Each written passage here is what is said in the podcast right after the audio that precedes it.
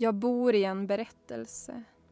I Jun Fengs senaste diktsamling Okänd, utgiven under författarnamnet Jimbut 2011, är känslan av att ingenting händer för första gången stark.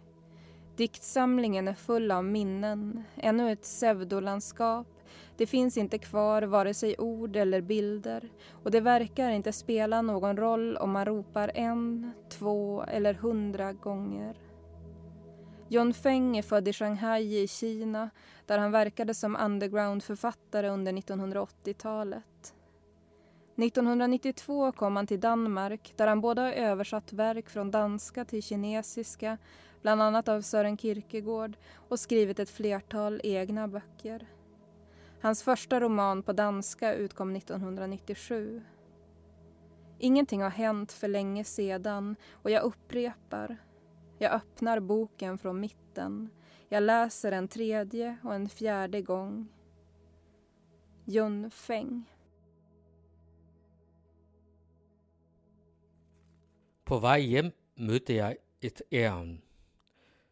Men det skyndade sig väck, så jag inte nådde at lære det att känna.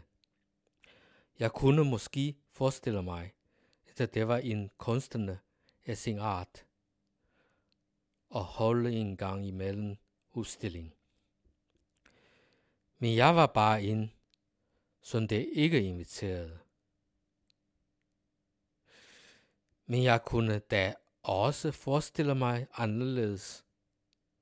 Hvad hvis det ikke havde skyndt sig væk? Så jeg godt nåede at lære det at kende. Måske gik det langsomt hen mod mig med en inviterende gæsthus. Men så vil der blive et nej fra min side. Nej, jeg kan ikke være med. Det er for besværligt. Jeg har alligevel ikke ret meget tid.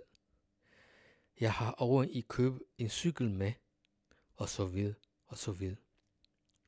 Så havde vi da hilste på hinanden, og nu vinkede farvel.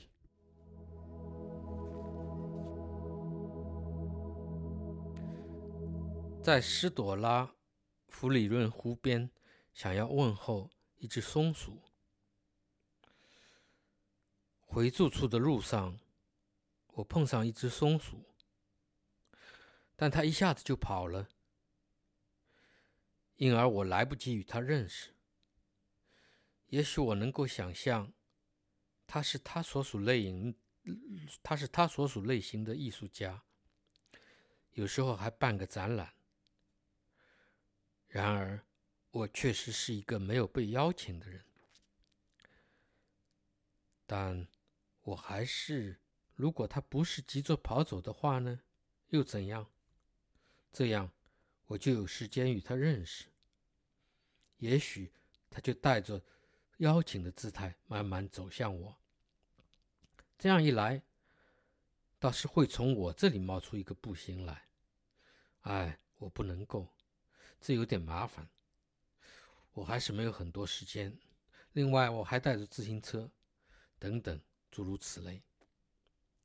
不过，我们还是会相互问候一下，然后挥手说再见。